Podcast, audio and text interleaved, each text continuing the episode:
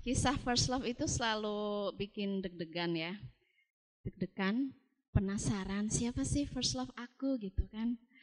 Uh, uh, banyak yang komen gitu, first love aku itu yang diam-diam ngasih coklat. Iya, itu sesuatu banget. Yeah, coklat, siapa coklat. yang ngasih coklat no name lagi tanpa nama? Oh, Hmm. ternyata aku ada yang eh eh gitu ya, ada yang Iya. nyenengin sama aku. Hmm. Kirain di dunia ini nggak ada yang sayang sama aku, ternyata ada.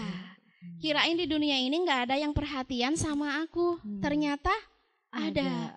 Nah, kirain eh, apa di IG aku eh, ya follower mah cuman cuman ini Gak ada yang doang ya. intipin gitu ya, Mm, nggak ada yang stalking. bener-bener Iya. eh, ngerti perasaan aku. Ah, ketika udah tahu bahwa ada seseorang yang benar-benar peduli Hmm. sesu seseorang sesuatu atau apa pun itu ya peduli sama kita sayang sama kita kalau kita butuh dia ada oh Hmm. itu sesuatu banget ya Iya benar. gimana rasanya sudah pernah ngerasain first love Nah, ini kebetulan masih jomblo ya. Oh, iya. Tapi kayaknya kalau first love itu kayak sentuhan orang tua gitu ya, rasa sayang Hmm. orang tua juga itu nyaman banget gitu ya. ya Kayak gitu ya gitu. jadi banyak banget di antara kita yang penasaran sama cinta pertama Cinta seperti pertama. apa sih rasanya Gi- Iya. gimana sih rasanya diperhatiin disayang dilindungi Makan ada temennya Mi. Oh, oh, makan Iya, ada makan ada temennya, ke kajian ada yang Nganterin, ah. Intinya perhatian banget ya, bahkan saking penasarannya mungkin teman-teman rela gitu ya pergi ke Bandung untuk mencari first love-nya. Rela jauh-jauh dari eh, dari kampung atau dari wilayah lain untuk mencari first love-nya bahkan banyak sekali orang-orang yang rela naik gunung. Apa yang dicari? Aku mencari cinta. Memangnya di Hmm. gunung ada cinta. mereka dapat first love mereka di gunung. Hmm. Ada yang pergi ke laut, ngapain ke laut? Cari first love, Hmm. cari cinta, dapat, dapat. Ada yang pergi ke masjid. Tujuannya apa ke masjid? Cari cinta. Masya Allah ya. Ingin itu. ngerasain kata orang dapat first love itu sesuatu banget. Aku juga mau. Ada yang pergi ke masjid, ada yang pergi ke jalan-jalan untuk merasakan bahwa aku ini ada yang menyayangi. Aku ini ada yang mencintai. Ya kan? Dan semua orang ya penasaran kepo dengan first love-nya seperti yang dilakukan Ibrahim alaihissalam. Ketika beliau mencari dan mencari, beliau melihat ada rembulan. Ketika melihat rembulan, beliau mengatakan, "Ini cintaku. Inilah yang memelihara aku. Inilah yang memberi aku rezeki." فلما رأى القمر قال هذا ربي Jadi ketika Ibrahim melihat bulan, ini Robku. Mungkin inilah cintaku. Mungkin inilah tempat aku mengadu. Ya, dia melihat rembulan. Semalam aku ngelihat rembulan bersama anak-anakku. Dan rembulan itu memang mempesona, bikin kita jatuh cinta dan menganggap bahwa oh mungkin ini first love aku seperti Ibrahim. Jadi, falamma ra'al qamar qala hadza rabbi falamma afala. Ya ketika eh, apa rembulan tadi ternyata hanya semalam saja pagi dia menghilang benarkah ini cintaku? Kayaknya enggak. Cintaku pasti sifatnya eh, long lasting. Dia enggak pernah pergi. Dia selalu melindungi. Ketika pagi datang Ibrahim melihat ada matahari yang lebih besar yang lebih dahsyat. Beliau mengatakan qala hadza rabbi ini cintaku. Mungkin inilah yang memberikan kehidupan kepadaku.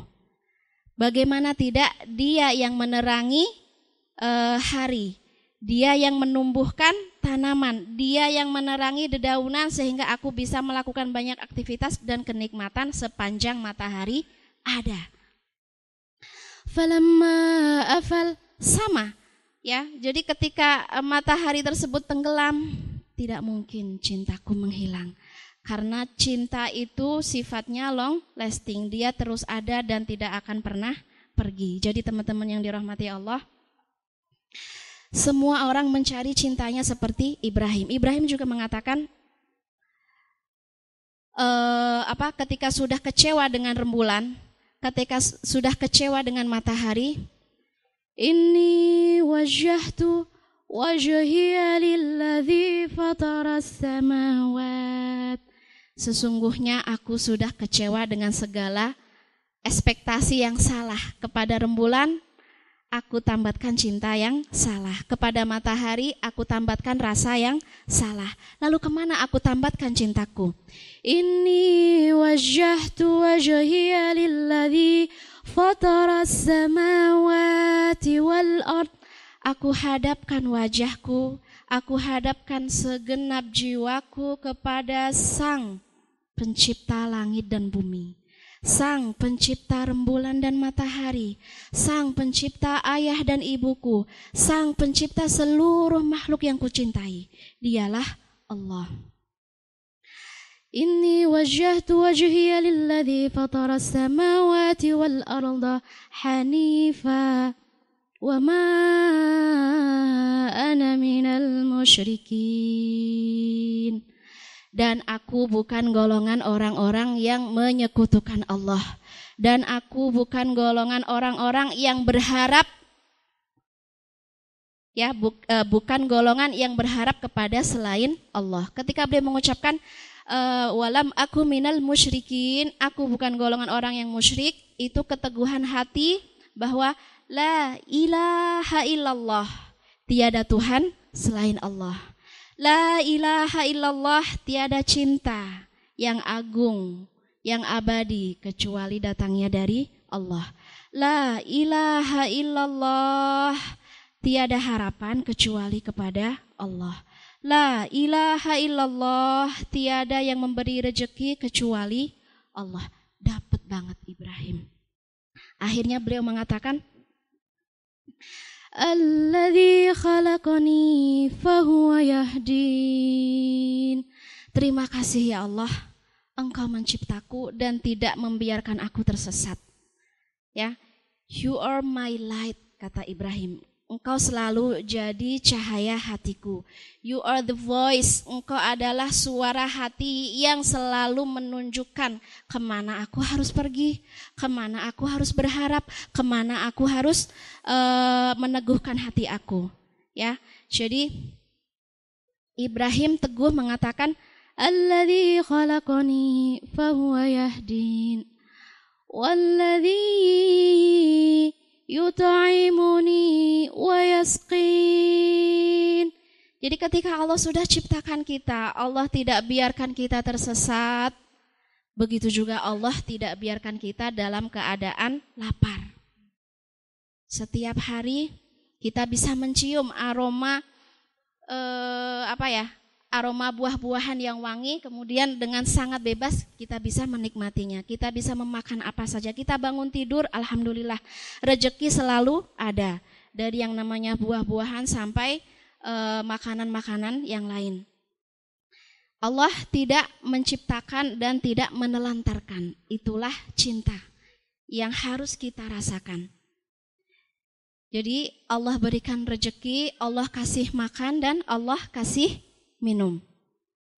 Alladhi yut'imuni wa yasqin wa idza maridtu fahuwa ya wa idza maridtu fahuwa yashfin. Perhatikan, ketika terlalu banyak nikmat Allah untuk kita, makanan banyak, bebas ya kita makan sebanyak-banyaknya, ngebaso, ngeapa ya, segalanya kita makan, akhirnya kita sakit. Gara-gara kebanyakan makan. Kesindir nih Mi, kesindir. ya. Allah yang kasih rezeki ya, kemudian uh, kita kadang-kadang israf, kita kadang terlalu menikmati rezeki itu too much, terlalu banyak, akhirnya kita sakit gara-gara um, porsinya kebanyakan. Lalu ketika kita sakit, siapa yang menyembuhkan? Allah. Allah ya. Wa idza maridtu fahuwa yashfin. Ini curhatan Ibrahim. Ketika aku sakit, Allah lah yang menyembuhkan. Walladhi atma'u an yaghfira li khati'ati والذي أطمع أن يغفر لي خطيئتي Dialah Allah yang selalu aku harapkan untuk mengampuni dosa-dosaku. Selama Allah kasih kita nafas, selama Allah kasih kita waktu, selama Allah kasih kita usia, banyak sekali kita spending the time-nya kita gunakan untuk hal-hal yang sia-sia misalnya. Kita gunakan untuk hal-hal yang Allah kurang ridho misalnya. Makanya kita berharap Automa'u firoli. Cintaku mendatangkan diriku kepadamu berharap meminta ampunan kepada Allah. Jadi kita merangkak kepada Allah karena harapan. Harapan limpahan kasih sayang dan harapan limpahan ampunan dari setiap nikmat yang Allah berikan kepada kita. Nikmat mata, nikmat lisan, nikmat ilmu, nikmat harta, semuanya kadang-kadang mendatangkan dosa. Benar nggak? Kita punya lisan, kita ucapkan untuk apa saja. Ternyata sekian persen dosa. Kita pu kita punya mata, nikmatnya kita pakai apa? Ternyata sekian persen dosa. Kita punya nikmat ilmu, ilmu kita banyak misalnya, tapi ternyata sekian persen dosa. Kenapa? Dari beberapa ilmu masih banyak yang belum kita kerjakan. Ya Robi, kami selalu tamak, kami selalu berharap memperoleh ampunan. Walladhi yatma'u khati'ati. Jadi kalau rasanya Ibrahim, ya Rob, mata kami dipenuhi oleh cahayamu, namun kami melupakanmu. Ya Rob, kehidupan kami dilimpahi anugerah dan karuniamu, tapi kami melalaikanmu. Ya Rob, dosa-dosa yang kami kerjakan pagi, siang, malam kami, dosa lisan, dosa mata, dosa telinga, semuanya kami kerjakan, tapi semuanya engkau tutupi. Alhamdulillah. Ini sifat Allah, sifat first love kita yang begitu dahsyat luar biasa. Kalau misalnya kita dapat coklat aja wow gitu kan, dapat bunga wow, Allah itu lebih dari itu. Bangun tidur, Allah sudah persiapkan matahari yang begitu setia terbit dan tenggelam tepat pada waktunya. Ya. Matahari Allahu sakhara. Jadi Allah yang tundukkan untuk kamu matahari sehingga tak sedetik pun dia e, melalaikan tugasnya. Bagaimana jika Allah buat malam itu e, tak bertepi, malam terus? Apa yang terjadi? Tentu saja kita kehilangan kehidupan kita. Atau sebaliknya Allah berikan siang terus Bagaimana kita bisa istirahat? Ini nikmat Allah, ini karunia Allah yang luar biasa. Oleh karena itu teman-teman yang dirahmati Allah, jadilah Ibrahim yang segera menemukan cinta sejatinya. Meskipun kadang-kadang kita terus mencari, mencari ya seperti Ibrahim. Kadang-kadang kita salah meletakkan cinta kita. Oh maaf ternyata salah bukan ke kamu. Aku ambil ya cintaku. aku berikan kepada yang berhak. Boleh nggak seperti itu? Boleh, karena memang dia nggak berhak. Yang berhak adalah Allah. Ya, Allahu sakhkhara bahr. Allah yang tundukkan untuk kamu lautan sehingga kita pengen makan sushi ada. Kita pengen makan ikan-ikan yang segar ada.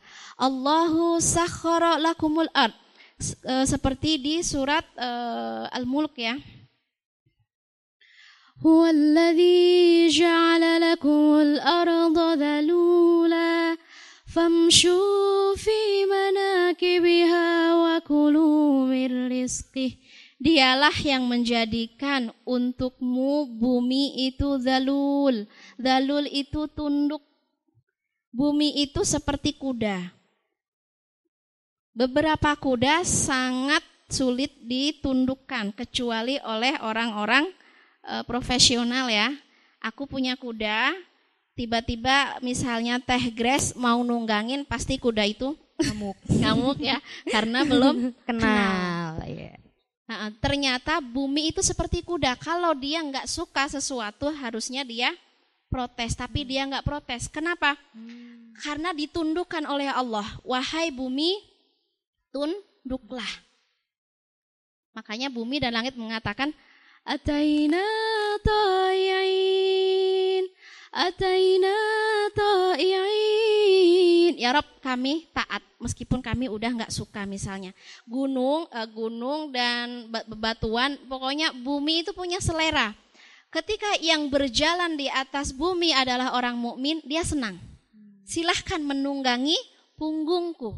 Silahkan eh, kamu eh, berjalan di atas bumi dan menapaki seluruh penjuru penjurunya.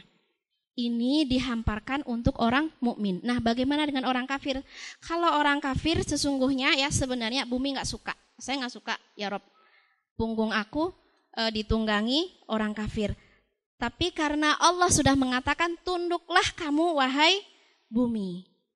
Jadi sebuah janji bahwa kita ini sebenarnya spesial. Bumi, langit semuanya ditundukkan Allah untuk kita. Bukan hanya bumi, langit, bahkan para malaikat pun ditundukkan oleh Allah just for you. Teh Grace. Wah, Just for you teman-teman yang ada di sini para malaikat tunduk semuanya. Bagaimana tidak tunduk? Siapa yang menjaga detak jantung teman-teman selama ini? Malaikat. Hmm. Siapa yang menjaga peredaran darah lancar teman-teman yang ada di sini? Malaikat. Siapa yang menjaga metabolisme? jadi jadi dokter banget ya. Metabolisme kita, kemudian otak kita. Di otak itu ada satu zat, za- satu enzim atau satu apa ya? Itu presentasinya kalau berkurang satu persen saja, maka membuat kita gila. Hmm. Satu persen enzim itu kalau nggak ada di otak bikin kita stroke, bikin kita terkena berbagai macam masalah. Terus siapa yang menjaga enzim itu biar setiap harinya stabil? Para malaikat ditugaskan oleh Allah untuk menundukkan eh, apa tunduk ya untuk eh, menjaga kehidupan kita. Ini bukti cinta Allah kepada kita. Bersyukurlah, alhamdulillah. Teman-teman harus bersyukur dengan seluruh jiwa raga ya Rob. Alhamdulillah. Bersyukur lewat lisan, bersyukur lewat ketaatan bahwa kita punya cinta yang luar biasa. Dan first love kita ini gak bakal berubah meskipun kita berubah. Ya kan? Gak akan PHP-in ya. He will never change. Dia nggak pernah berubah. Meskipun kita berubah. Gimana kita nggak berubah? Di majlis, ya Rob, kami ingin taat. Di luar majlis, entahlah. Ah, ya, rasa itu berubah. Di, ketika bertemu dengan orang-orang soleh, ya Rob, kami ingin beriman. Ketika bertemu dengan orang-orang yang kurang soleh, entahlah, kok jadi beda rasa begini ya. Nah, perubahan-perubahan seperti ini tidak akan merubah cinta Allah ke kita. Cinta Allah tetap stabil. Rasa Allah ke teman-teman tetap sama. Apa rasa Allah? Yuridullahu an yatuba alaikum. Yuridullahu an alaikum. Itu rasa Allah yang nggak pernah berubah. Kamu boleh berubah, tapi Allah nggak pernah berubah. Punya rasa yang sama, yaitu menginginkan kamu taubat. Menginginkan kamu kembali kepada Allah. Menginginkan kamu terus memperbaiki diri. Menginginkan kamu terus mencari teman-teman yang soleh. Menginginkan kamu terus berdekat berdekatan dengan Al-Quran. Itu yang Allah inginkan. Meskipun kita pagi beriman, malam entahlah. Malam beriman, siang entahlah. Mohonlah ya kepada Allah. Allah, open up my heart. Buka hati aku ya Allah. Buka jiwa aku ya Allah. Supaya aku stabil berada di jalanmu. Supaya aku stabil bisa ngerasain cintamu. Supaya aku stabil taat menjalani semua yang engkau sukai. Allah, Allahu fi qulubikum. Semoga Allah selalu ada di hati para ladies. Teman-teman di masjid ada Allah, di kampus ada Allah, di jalan ada Allah, pagi ada Allah, siang ada Allah. Allah, Allahu fi kulubikum. Karena Allah tidak pernah berubah meskipun kita sering berubah. Dan Allah itu uh, selalu understanding about us. Ya, selalu ngertiin kita, iya. ngerti banget. Bahkan uh, ya banyak sekali orang-orang yang puitis mengatakan there is none, none like you. Bener-bener nggak ada yang yang kayak kamu tuh nggak ada. None like you, nggak ada yang sama. Sama seperti apa? Who can know my heart like you? Ya, yeah, ya kan? Uh, yang kita cintai aja nggak ngerti kedalaman hati kita apa. Yang kita sayangi aja nggak ngerti rasa kita hari hari ini apa. Orang tua yang melahirkan kita, yang hidup serumah sama kita juga nggak ngerti. Eneng kenapa? Kita senyum. Nggak mau ngasih tahu ya? Pura-pura. Uh -uh. Baik kok, baik. Baik-baik, sayang mah. Uh, uh, baik-baik saja. Aku ora opo-opo. sehat, sehat, sehat. Hmm, padahal ya. Kalau Allah itu maha mengerti. Innallah alimum bidzatis sudur. Wa asirru qawlakum ma wijharu bih. Wa asirru qawlakum ma wijharu bih. Innahu alimum bidzatis sudur. Mangga teman-teman bebas. Asiru. Asiru itu boleh terang-terangan. Awijaharu, uh, asiru itu uh, sembunyi-sembunyi, kamu rahasiain rasa kamu, kamu rahasiain hari, hari ini apa kabar kamu, baik, padahal di dalamnya ada, uh, padahal di dalamnya dalam banget ya. Hmm. Wa asirru qaulakum awisharu bih. Kamu boleh rahasiakan isi hati kamu. Kamu boleh apa ya keluarkan rasa isi hati kamu. Tapi ingatlah bahwa innahu alimum bidatis sudur. Bahwa Allah itu maha mengerti kedalaman hati.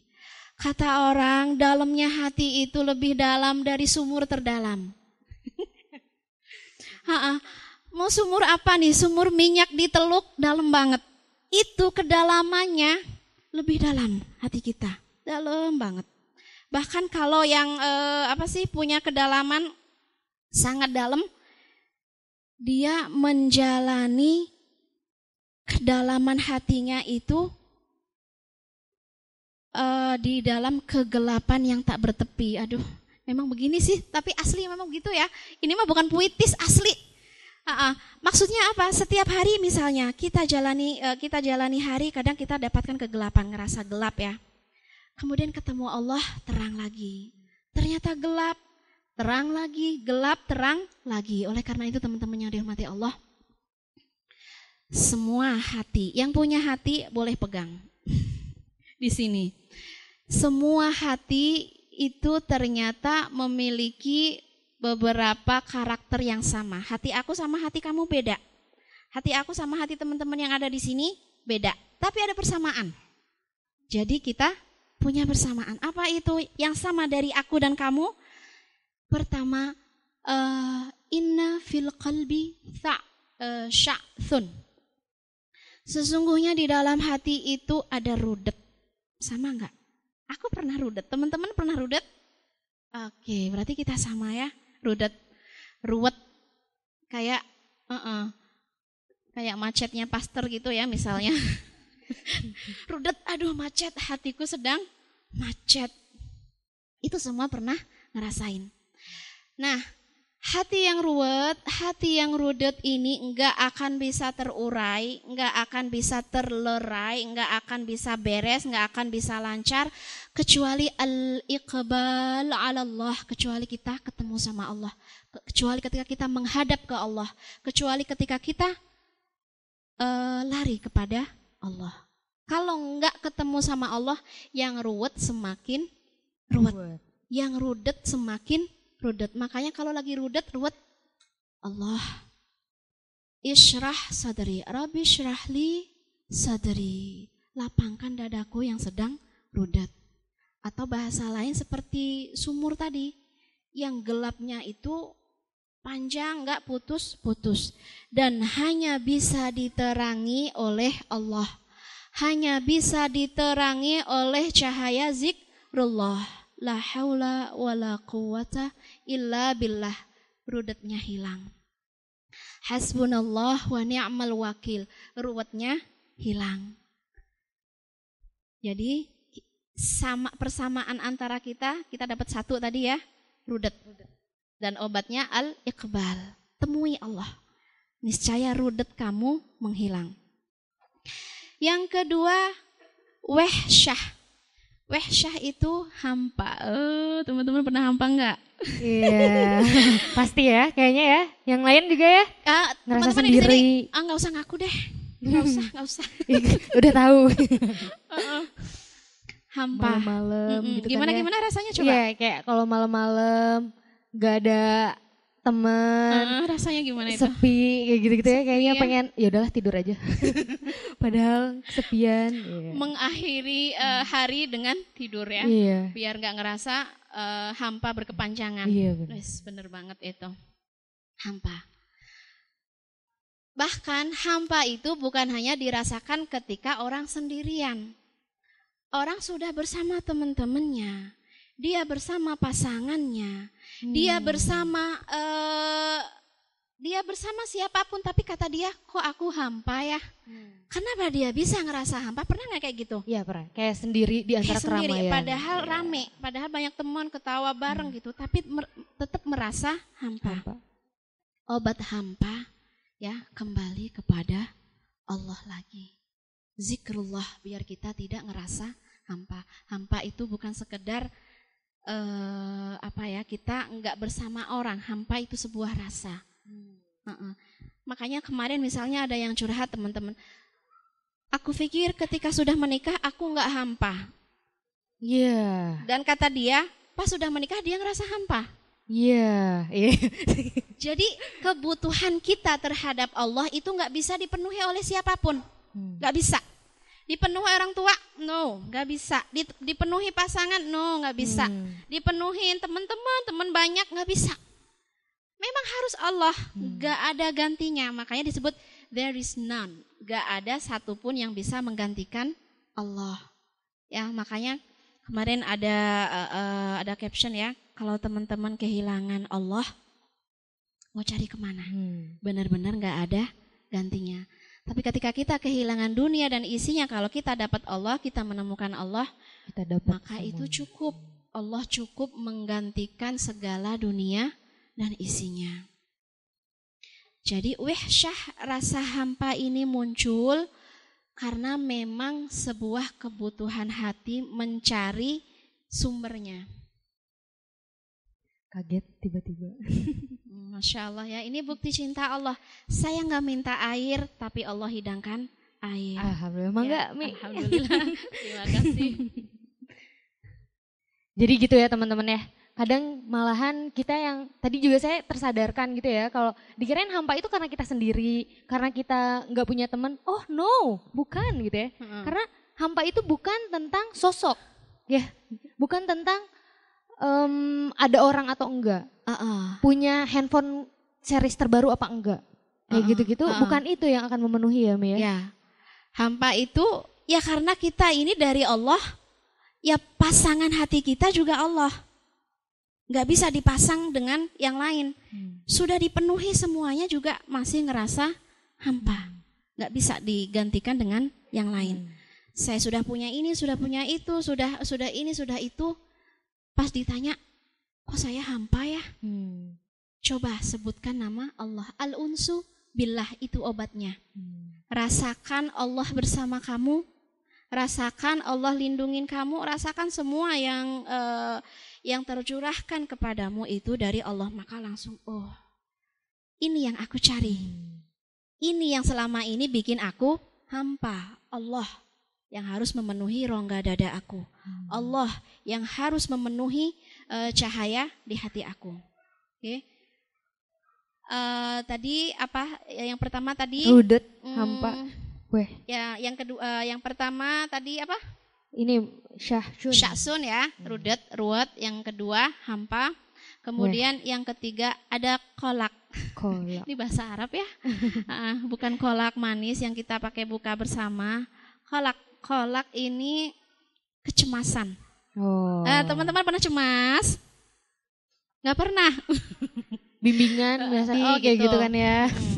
ACC enggak, ACC enggak. Terus apalagi cemas, aku laku nggak ya? Ah, iya benar. Udah umur udah makin-makin udah pada na- nawar-nawar orang tua. Nah, gitu. Iya. Cuma- Ini teh ada ada Ikhwan gitu eh, Hmm. yang sedang memilih aku atau dia ya, Hmm. Cemas. Atau apa pun bisa jadi sumber kecemasan kita. Apalagi biasanya sumber kecemasan target uang sih. hmm, finansial. Aduh, Ya, gimana benar, nih? benar, benar. Pernah ngerasain nggak harus ada kebutuhan tapi kitanya nggak ada, mau Benar, minta benar, itu itu lumayan cemas. juga nggak karena kalau kita nggak yakin Allah Ah, ah, itu ah, ah. pemilik rezeki kan. Sip, Oh. benar. Berarti cemas. sama dengan kecemasan aku waktu Weh, cerita Mi, cerita cerita. Pulang dari Mesir. Hmm, aku tinggal di eh, di kampung ya. Hmm. cemas. Masak jauh, masa jauh-jauh di Mesir tinggalnya cuman di kampung. Yo. Gak rela ya. Kenapa gak rela? Karena sebenarnya bukan re, eh, nggak relanya bukan untuk aku sih, untuk anak-anak aku gitu. Jangan sampai aku saja belajarnya sampai di Mesir. Jangan sampai anak aku belajar di kampung. Hmm. Jadi akhirnya aku cemas, mencemaskan masa depan. Nanti anak-anakku seperti apa? Nanti kehidupan aku sudah sampai di Bandung misalnya. Masih di kampung, ah ditelepon sama teman eh, sini dong gitu. Kita lagi eh, apa sih? Lagi perlu eh, pengajar. Oh, alhamdulillah Allah kan yang kasih sudah datang ke Bandung masih cemas. Cemas apa lagi? Nggak ada rumah. Sudah rumah ada, cemas apalagi terus kecemasan kita datang silih berganti seperti datangnya matahari dan rembulan. Cemas terus. Nah, apa obat cemas ini? Ternyata obatnya adalah tauhidul humum, menyatukan cita-cita kita. Kalau cita-cita kita dunia, kita akan terus hidup di dalam kecemasan. Kalau tujuan hidup kita hanya harta, kita terus cemas. Ya Allah, teman aku itu nilainya di bawah aku loh, tapi penghasilan dia lebih gede. Hmm, kan jadi ini ya, Nyes. ah, ah, jadi cemas gitu. Jadi ngerasa selama ini kan aku terus yang di atas dia, sekarang dia di atas aku misalnya. Jadi cemas. Nah, yang bikin kita cemas adalah karena kita tujuannya dunia mencintai dunia. Tapi kalau kita sudah eh, menghilangkan dunia, tauhidul umum ya Allah, cita-citaku akhirat. Maka hilang semua jenis kecemasan. Saya tadi cemas cemas banget nanti nilai aku jelek. Kalau nilai sudah jelek, nanti nggak ada perusahaan yang nerima aku.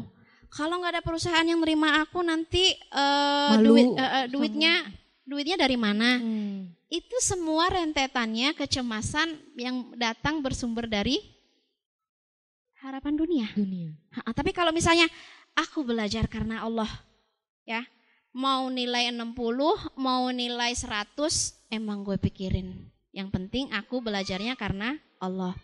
Pas nyari kerjaan juga gitu. Aku nyari kerjaan juga karena Allah. Mau gajinya sekian, mau sekian, cukup yang ngasih kecukupan untuk kita bukan 3 juta, 7 juta. Bukan Nilai, nilai. gajinya. Ah, ah. Bukan yang jumlah. ngasih kita rasa cukup adalah eh ya yang dikasih Allah ini memang faktanya cukup, Hmm. nggak kurang, nggak ada yang kurang. hati kitanya. Ah, ah. Misalnya gini, ya temen aku kalau nongkrong eh, di Sabu Haji, misalnya, ya iyalah 3 juta nggak cukup. Coba makannya di warteg, cukup lah insya Allah. kan gitu ya. Iya. Heeh. Teman aku misalnya udah punya kendaraan, aku belum. Ini yang membuat hati kita cemas karena nggak ada rasa cukup. Rumput tetangga ya. Eh, Alhamdulillah aku mah naik angkot sangat bangga. Gimana nggak bangga? Heeh, hari Senin aku aku uh, pakai pink, cari angkot pink. Iya. Hari Selasa aku pakai ungu. Nah, cari angkot warna ungu kan match banget. Hari uh, Rebo uh, uh, mau naik angkot hijau, pakai baju hijau. Adakah yang lebih bahagia dari aku? Iya, nikmatin ya. itu nikmat, itu bahagia yang bisa diciptakan uh, karena tujuan kita bukan dunia, tapi menikmati dunia. Hmm. Dunia itu sudah nikmat tanpa kita kejar-kejar. Jadi jangan nangis kalau naik angkot ya Robi, kapan aku naik kendaraan sendiri. Ketika kamu naik angkot, nikmatilah senikmat-nikmatnya. Karena suatu saat nanti kamu akan kehilangan momen naik angkot. Ya, dan merindukan oh iya ya ternyata naik angkot enak. Atau makan makanan yang misalnya hari ini cuman bisa makan yang sederhana nikmatilah senikmat-nikmatnya. Suatu hari kamu tidak akan menemukan makanan seperti itu. Yang ada hanya enak dan sangat enak. Uh -uh. Uh, jadi hitunglah nikmat Allah setiap detailnya. Hargai nikmat Allah setiap detailnya. Jangan pernah melihat Eh, hal-hal yang belum menjadi rejeki kita. Dengan rasa seperti itu, teman-teman punya kehidupan yang sempurna. Padahal kita tahu ya, bahwa nggak ada yang sempurna dalam kehidupan ini. Kita nggak punya kehidupan sempurna, tapi kita punya cinta sempurna dari Allah yang akan menyempurnakan seluruh kehidupan kita. Kenapa kita ngerasa sempurna? Allah always take care me. Allah, faktanya Allah selalu lindungi aku. Allah selalu peduli sama aku. Faktanya Allah selalu bentangkan rahmatnya untuk aku. Inilah yang membuat uh, kecemasan kita menghilang. Tujuan aku Allah. Tujuan aku ridha Allah. Allah Allahu fi qulubikum. Allah Allahu fi a'malikum. Semoga Allah selalu jadi uh, tujuan untuk segala yang kita kerjakan. Ya. Uh, ada rudet, ada hampa, sama nggak? Sama ya? Ada cemas. Berikutnya ada hasarat di hati kita sama. Ada penyesalan. Sering nggak nyesel? Sering. Sering. Sering juga nyeselnya sih. kenapa? Kalau nyesel itu biasanya ini, beli baju ya, biasa perempuan-perempuan. Uh-uh. Wah, diskon gitu uh-uh. kan. Wah, langsung kita milih-milih-milih ambil ternyata ini enggak yang kita butuhin sebenarnya. Terus Salah ya? nyesel ya? juga. Hmm. Terus apalagi ya? Biasanya teman-teman nyesel apa lagi? Apa? Nyesel banget ketemu sama kamu. eh, aduh, kejam iya, ya? banget sih. Ngelakuin kesalahan ya, ngelakuin ngelakuin Berarti itu sudah penyesalan yang baik ya. Yeah. Penyesalan yang baik kalau uh, kalau menyesali keburukan, menyesali menyesali kesalahan. Tapi ada beberapa yang kita menyesali apa yang sudah kita putusin. Oh. Ting. Ting gitu ya. Hmm. Aduh, nyesel banget aku. Titik-titik sama kamu. Gitu. Yeah. Nyesel banget aku atau misalnya, ih nyesel banget lewat pastor. oh kalau di mahasiswa ini Mi, nyesel, nyesel banget gak belajar, nyesel oh, banget. Iya, Padahal iya. sebelumnya, ah santai lah santai. Tahu gitu kalau nilainya udah jelek ngerasain kan, nyesel banget gak belajar. Ah elah nanti ya, ya, mau ya, benar, benar, benar. gitu lagi. Nyesel banget enggak belajar, akhirnya hmm. nilainya jelek. Kalau sudah kadung jelek, kan nyesel tuh. Kira-kira hmm. obatnya apa? Uh, Ridho. Ridho ya. Terus berjanji dengan motivasi gitu Mi. Nanti ujian ke depan aku nilai A. Nanti pas udah deket ya lupa. Ya pokoknya kalau se se segala sesuatu yang sudah kita kerjakan dan hasilnya buruk pasti nyesel. Dan obatnya adalah ridho. Ya sudahlah. Khair insya Allah. Uh, semua yang terjadi pasti baik. Itulah kehidupan mukmin ya. E, jadi misalnya nilai itu bukan segalanya, rezeki kita bukan dari nilai atau e, apa ya? Ya pokoknya kalau kita menyesali sesuatu itu obatnya cuma dengan ridho, dengan ikhlas. Oh, uh, memang tujuan kehidupan kita ini untuk mencari ridhonya Allah. Toh nilai jelek nggak jadi pertanyaan kubur ya. Nggak apa-apa lah, nggak masalah nilai jelek. Yang penting kita tetap optimis nanti kita akan dinilai oleh Allah. Nanti kita akan diberikan kehormatan oleh Allah karena optimis. Optimis itu tawakal pol kepada Allah dengan ikhtiar pol. Itu namanya optimis. Gak ada uh, yang disebut dengan pintu tertutup, semuanya bisa dibuka. Gak ada yang disebut dengan tan apa sih rintangan, semuanya adalah tantangan. Maka teman-teman gak akan menyesali apa pun dalam kehidupan. Kesel banget salah ngambil jurusan, ya sudah gak usah disesalin khair insya Allah semuanya baik pasti. Nyesel banget tinggal di Bandung, nyesel banget tinggal di gang, nyesel banget ini itu. Semua penyesalan akan merusak kehidupan kita. Tapi ketika kita bisa menghadirkan ridho uh, apa rasa ridho, ridho itu artinya selalu mensyukuri jenis kehidupan yang Allah berikan. Lakal hamdu hatta tarda kehidupan aku hanya untuk memujimu. Aku pantang menyesali. Aku pantang mengeluh.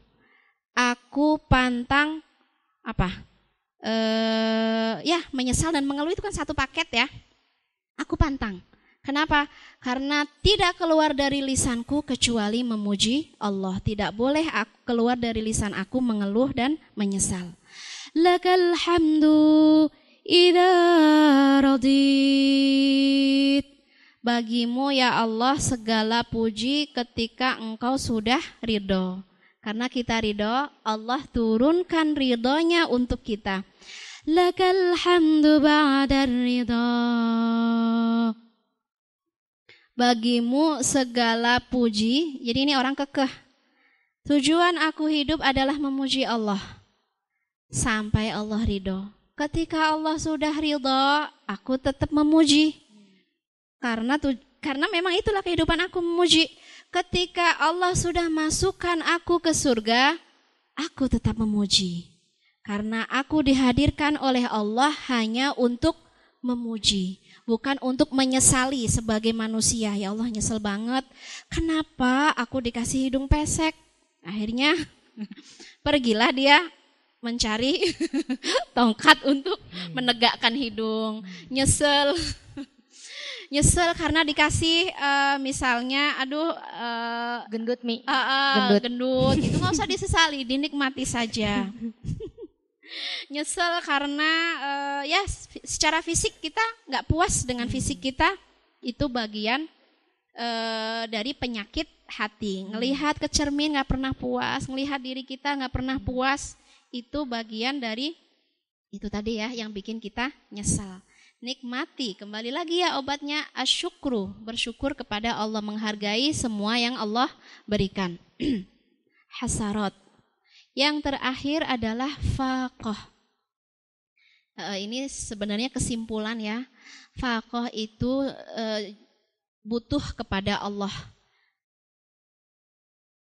Every day I need you more. Jadi setiap harinya aku selalu butuh kepada Allah. Uh, dari kecil sampai dewasa ya, terus ya hati kita memanggil Allah, terus hati kita berdoa istain, berikan pertolongan. Terus berdoa unsurna, berikan kami kemenangan. Ihmina, lindungi kami. Ilfir lana, ampuni kami. Semua jenis kebutuhan ini tidak akan pernah bisa dipenuhi oleh apa pun atau siapa pun kecuali Allah. Hanya Allah saja.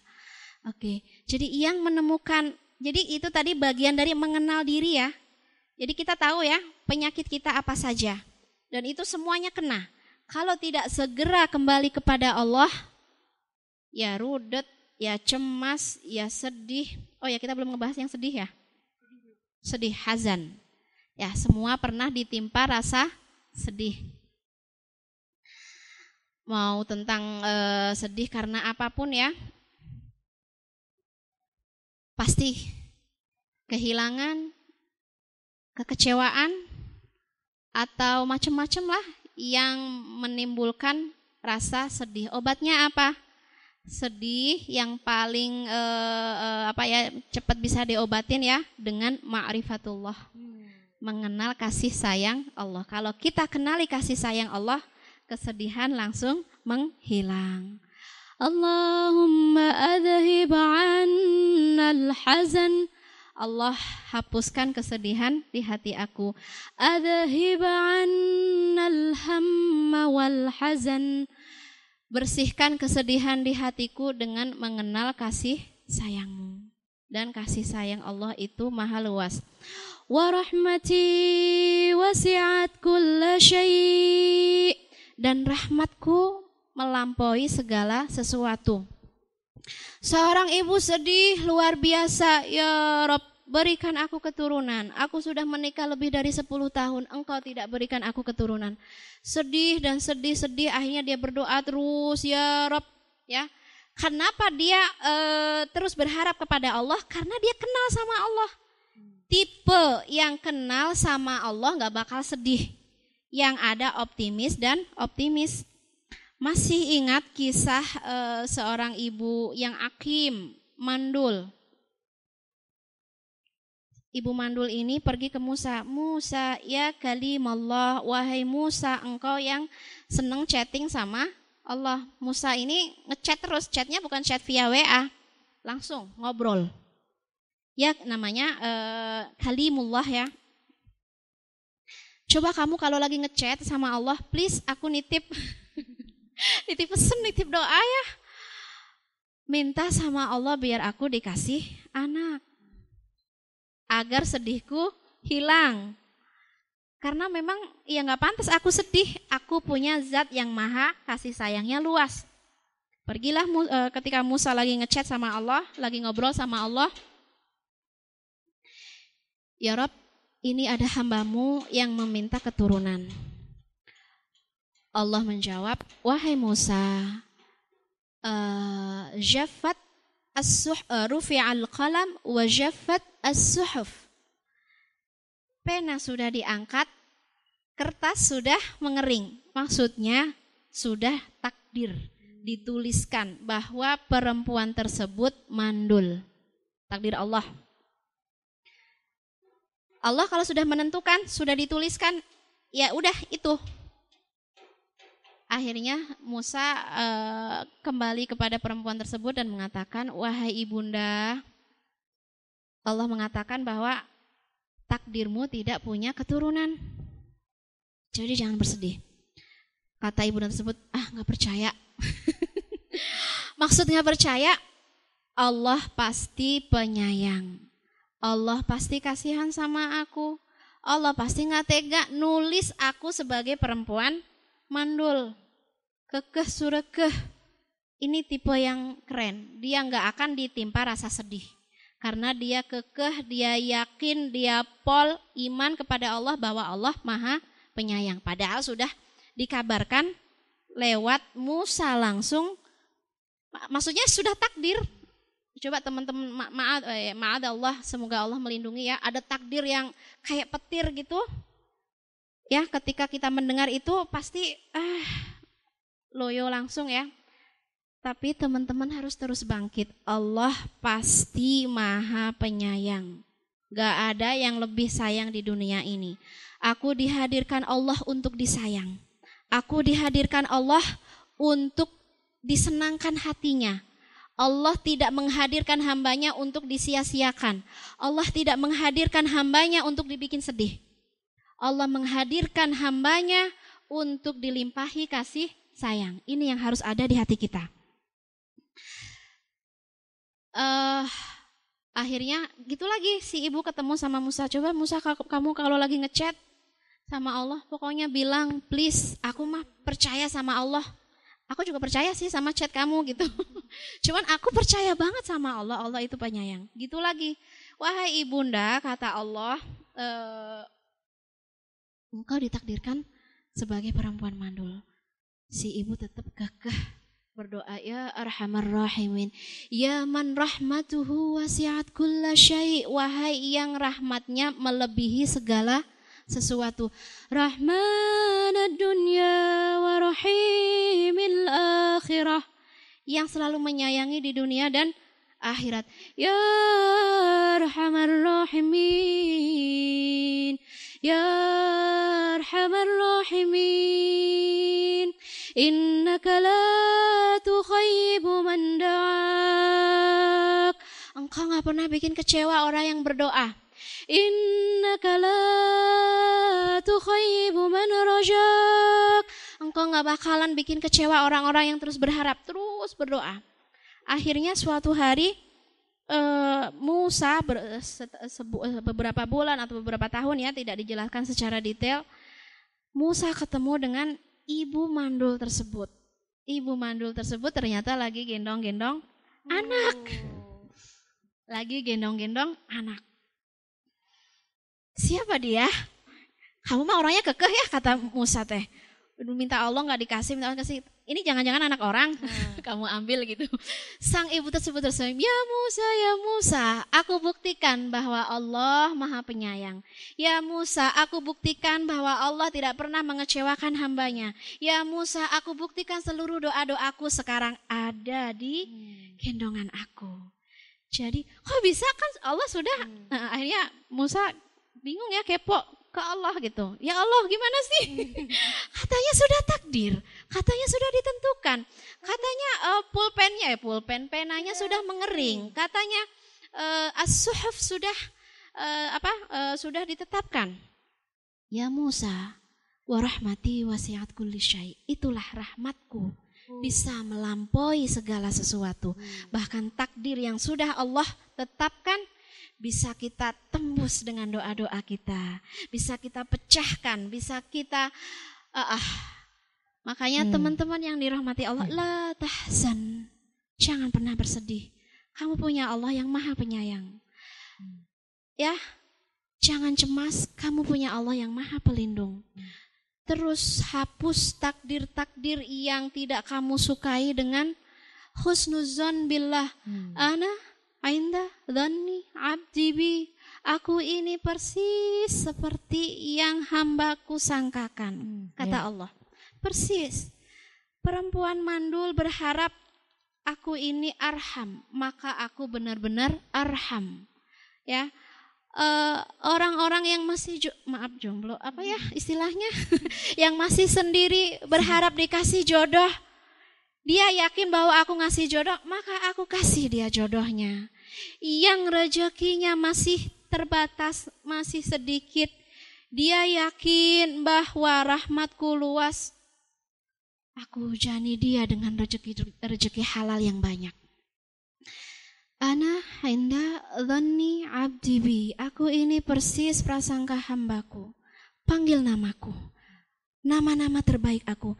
Ya dalata Wahai zat yang maha pemberi. Ya dal mannan.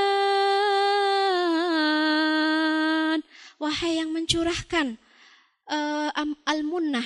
Munnah itu karunia. Ya wahab. Wahai yang maha memberi. Terus panggil nama-nama Allah yang terbaik. Maka yang akan datang ke kehidupan kamu adalah Allah yang seperti kamu sangkakan. Inda dhanni abdi bi.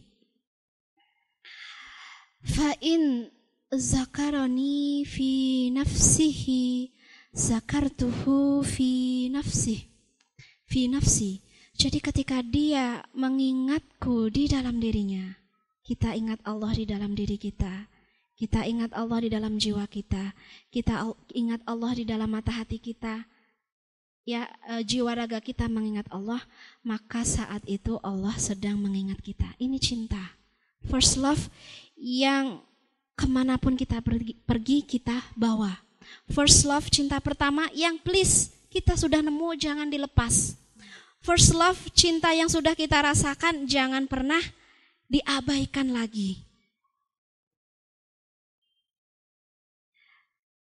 All the way back to first love bahasanya ya. Kamu ke mana pun pergi, kamu punya kegiatan apa pun, kamu punya uh, aktivitas apa pun, semua jalan yang kamu tempuh arahnya menuju cinta pertama kita yaitu Allah.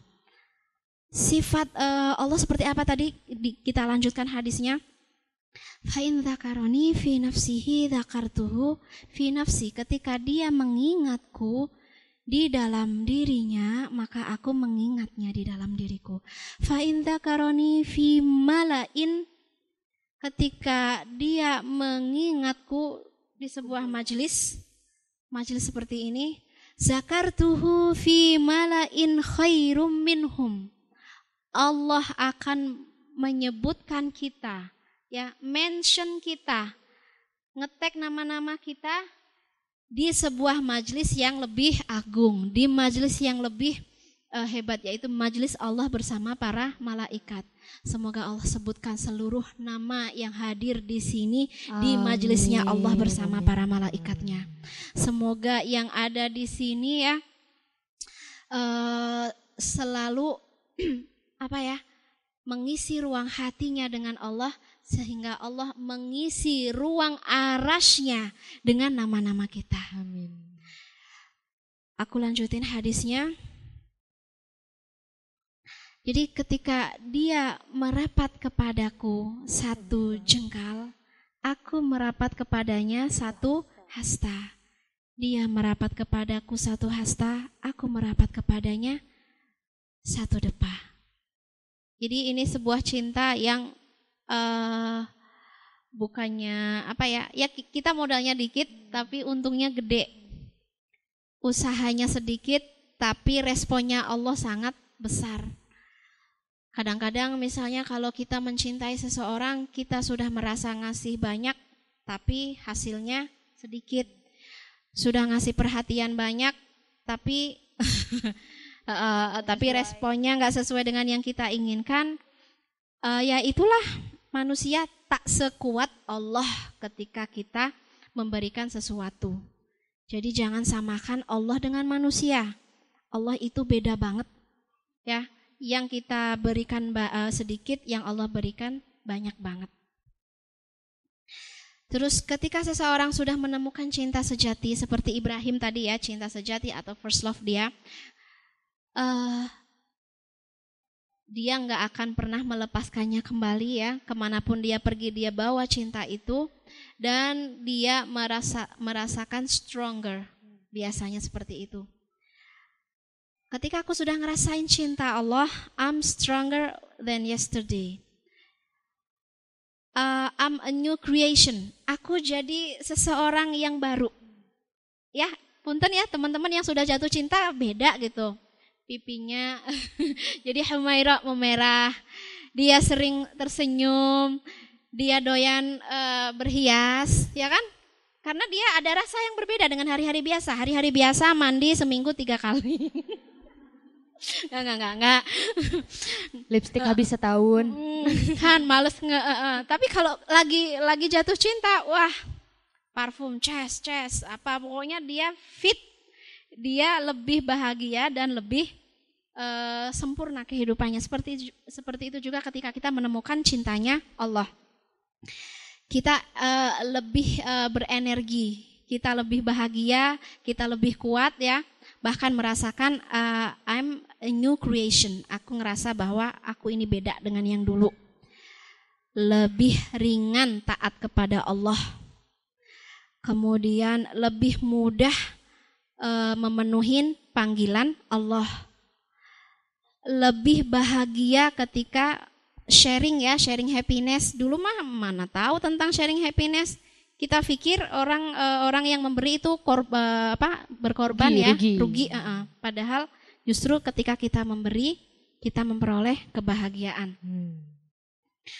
Jadi yang menemukan cinta uh, cintanya dia lebih kuat, dia merasa dirinya uh, makhluk baru, bukan hanya ngerasa jadi makhluk baru, dia ngerasa hidup di dunia baru. Ya, di tempat yang baru yang berbeda. Kar karena ya tempat yang dulu dia penuh keluh kesah. Yeah. di tempat yang sekarang nggak ada keluh kesah. Dia bahagia dan sangat bahagia. Bahkan dia berada di musim yang baru. Kalau dulu musim panas musim hujan. Kalau sekarang musim bahagia dan sangat bahagia, bahagia. musim bersyukur dan sangat bersyukur. Musim sabar dan menguatkan kesabaran. Musim tawakal dan menguatkan tawakal. Musim, jadi musimnya cuman itu. Jadi nggak ada musim sedih atau musim bahagia.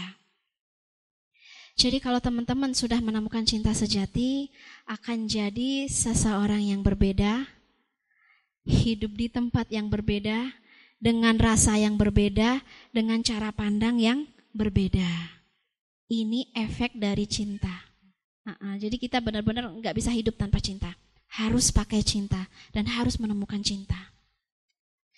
Oke, luar biasa banget ya. Apalagi tadi yang akhir-akhirnya tuh yang kisah-kisahnya tuh kayak langsung merinding teh langsung kerasa merinding iya bener kayak kalau kita ngedeket tadi jalan kaki Allah tuh malah lari gitu ya kayak memberikan keajaiban atau sangkaan yang gak kita sangka-sangka gitu. Yang kita kira itu um, ya udahlah Eh, nggak uh, akan segitunya balasan Allah. Ternyata Allah kasih deng deng deng deng. Saya juga ngerasain itu gitu ya. Mungkin banyak juga teman-teman di sini. Terus buat teman-teman yang sekarang lagi ngerasa di fase gelap fase apa tadi? Sedih rudet hampa. Oke okay, ini waktunya buat kita sadar. Ini waktunya buat kita sadar kalau Allah itu mengurus segalanya kalau kata uh, ulama Ibnu Qayyim ya katanya Andai engkau tahu betapa Allah mengatur segala skenario hidupmu, maka hatimu akan meleleh karenanya. Itu kayak merinding banget ya sih kayak, oke, okay, sampai hal terkecil, teman-teman ada di sini, alatif dibangun, saya ada di samping teh, kamera di situ, dan semuanya itu udah Allah atur. Angkot yang tadi nganterin teteh-teteh, semuanya udah diatur agenda-agenda teteh untuk bisa sampai di sini. Masya Allah. Alhamdulillah ya, luar biasa. Uh, oh ya, aku uh, ingat kisah mungkin ya tadi belum hmm. aku kasih contohnya siapa sih yang uh, ketika sudah menemukan cintanya dia menjadi seseorang yang berbeda. Harus hmm. tahu ya siapa hmm. sih buktinya siapa gitu. Kita hmm. harus uh, yeah. harus tahu bukti biar hmm. ah itu mah teori kadang nah, ya. Ah itu iya. mah teori gitu. Iya mah dia mah ngomong doang gitu, hmm. gitu nggak uh, uh. Oke. Okay. Uh, ternyata itu bukan teori kita punya kuduahnya, kita punya contohnya. Ketika dia sudah menemukan cintanya, ya dia energi, uh, dia lebih energizing, dia lebih kuat, dia lebih berbeda banget. Enggak kayak dulu lagi, beda. She is another one. Dia sudah jadi makhluk yang berbeda. Uh, dia sudah berada di dunia yang berbeda. Kisahnya adalah Khansa. Ah, teman-teman populer ya nama Khansa. Khansa. itu ternyata sebelum Islam, sebelum kenal sama Allah, sebelum mengetahui sifat-sifat Allah, sebelum menemukan cintanya, Khansa ini perempuan yang paling lebay se-Eropa. lebay banget. Lebay beliau ketika itu adiknya Sahar wafat karena peperangan uh, dia sebagai kakak sedih banget. Saking sedihnya banyak sekali puisi-puisi. puisi khonsa gara-gara sedih. Biasanya orang kalau sedih keluar tuh puisinya. Iya, Wahai adik yang tercinta macam-macam ya. Jadi jadi puitis abis dan puisinya saking bagus, saking keren dihafal semua orang. Hmm. jadi menularkan uh, kesedihan. Dia sedih, ke mana dia pergi Khonsa nangis dan menceritakan tentang kesedihan. Ada ya mungkin ya tipe di antara kita dia punya kesedihan yang mendalam banget. Ketika cerita baru e, semenit dua menit dia langsung netes air mata. Aduh, aduh, aduh teh gitu. Ketemu sama teteh teh, kenapa jadi nangis ya? jadi ketemu sama aku baru jarak semeter dia udah nangis. Ya Robi. Atau dia mau curhat belum beberapa kata sudah nangis. Uh, maaf aku uh, sekedar ini aja ya, sekedar ngasih contoh. Jadi memang ada beberapa tipe yang yaitu uh, dia sulit mengendalikan kesedihan. Ya emang fakta dia sedih dan gak ada larangan orang gimana orang dia sedih gitu. Nah ini kita belajar dari Khansa. Khansa itu ke mana-mana dia nangis, ke mana-mana dia berpuisi sampai terkenal sebagai uh, syairah syairah itu penyair, tapi penyair yang melo banget. Isinya isinya itu duka, isinya lara, isinya pedih banget. Nah, ketika beliau sudah belajar Islam, dia ngira, ih berarti gak boleh ya sedih itu berlarut larut. Nggak boleh ya sedih itu uh, diember ke, ke semua orang sehingga semua orang tahu itu nggak boleh. Dan bukan hanya seperti itu, Khonsa sadar bahwa uh, apa ya cinta yang sudah ditemui itu membuat Khonsa lebih kuat, membuat Khonsa lebih uh, menjadi pribadi yang berbeda banget. Buktinya apa beda? Ketika perang Qadisiyah, Khonsa sendiri yang memberikan semangat kepada keempat putranya. Empat putra loh. Empat putra, wahai putraku, engkau dari keturunan terhormat, majulah ke dalam peperangan. Jangan sampai kalian e, menodai kehormatan keluarga gara-gara lari dari perang. Artinya Khonsa rela anaknya mati di medan perang. Wahai putraku, eh, uh, aslam tum ta'i'in. Engkau sudah Islam dengan sangat taat.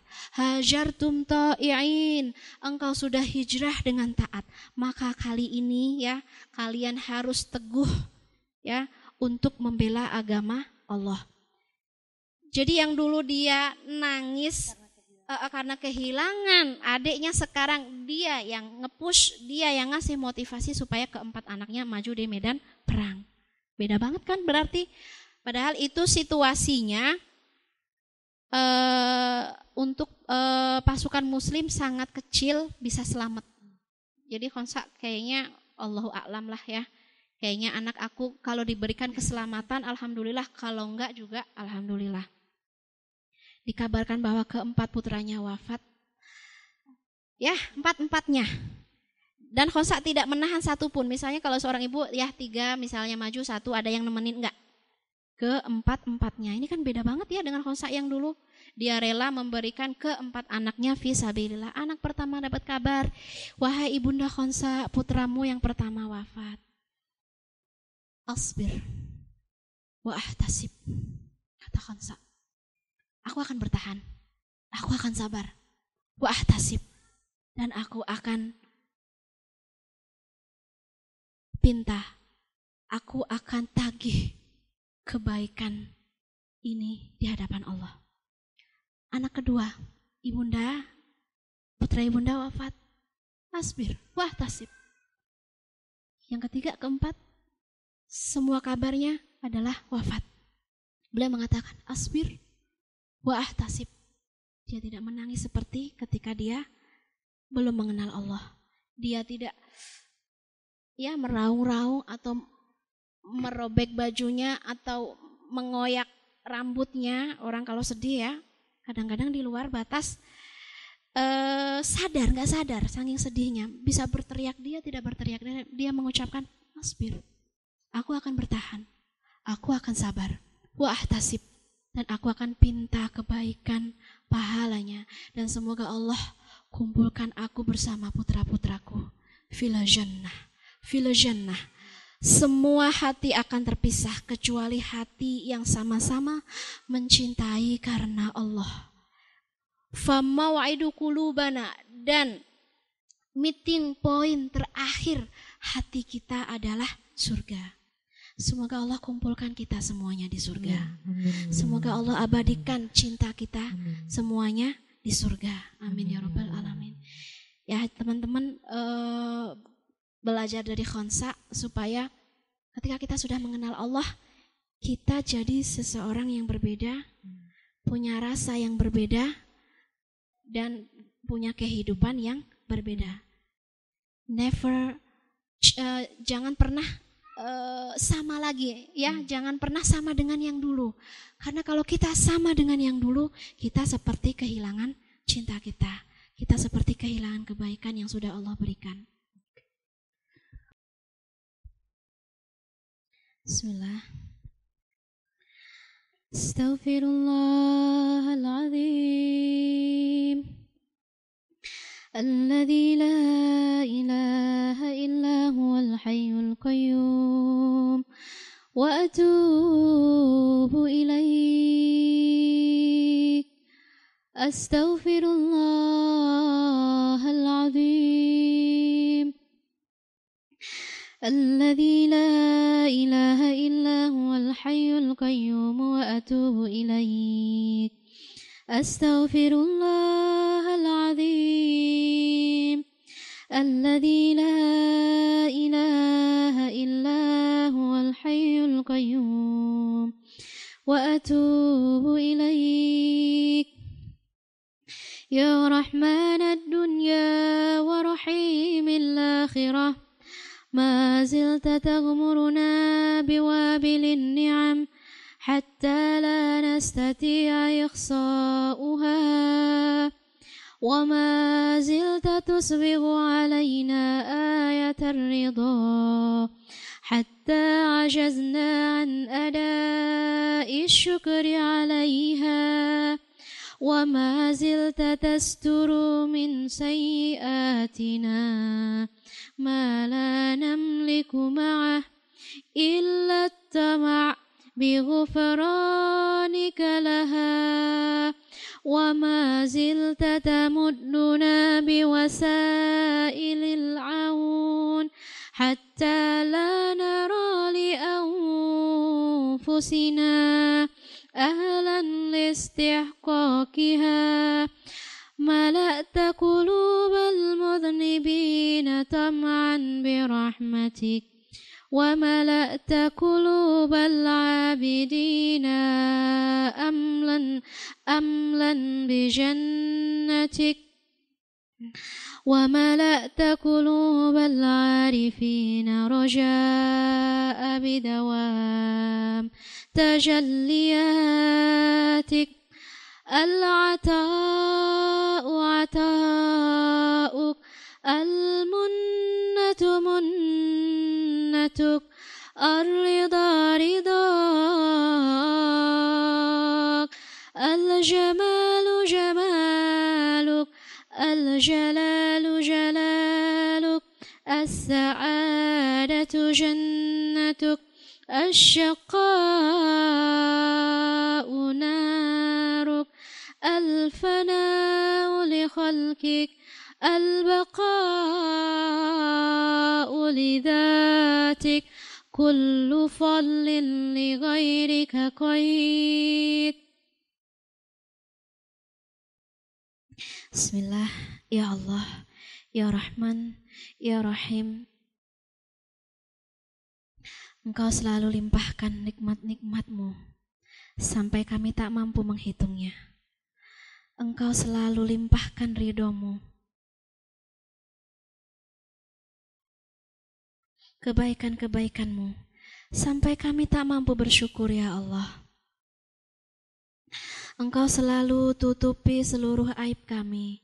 Engkau tutupi dosa-dosa kami ya Allah sampai kami terus berharap agar kami selalu Engkau ampuni. Ya Allah, Engkau penuhi kami yang berdosa dengan terus berharap mengharapkan rahmatmu. Engkau penuhi hati hambamu yang bertaubat, hambamu yang beribadah dengan mencintai surgamu ya Allah.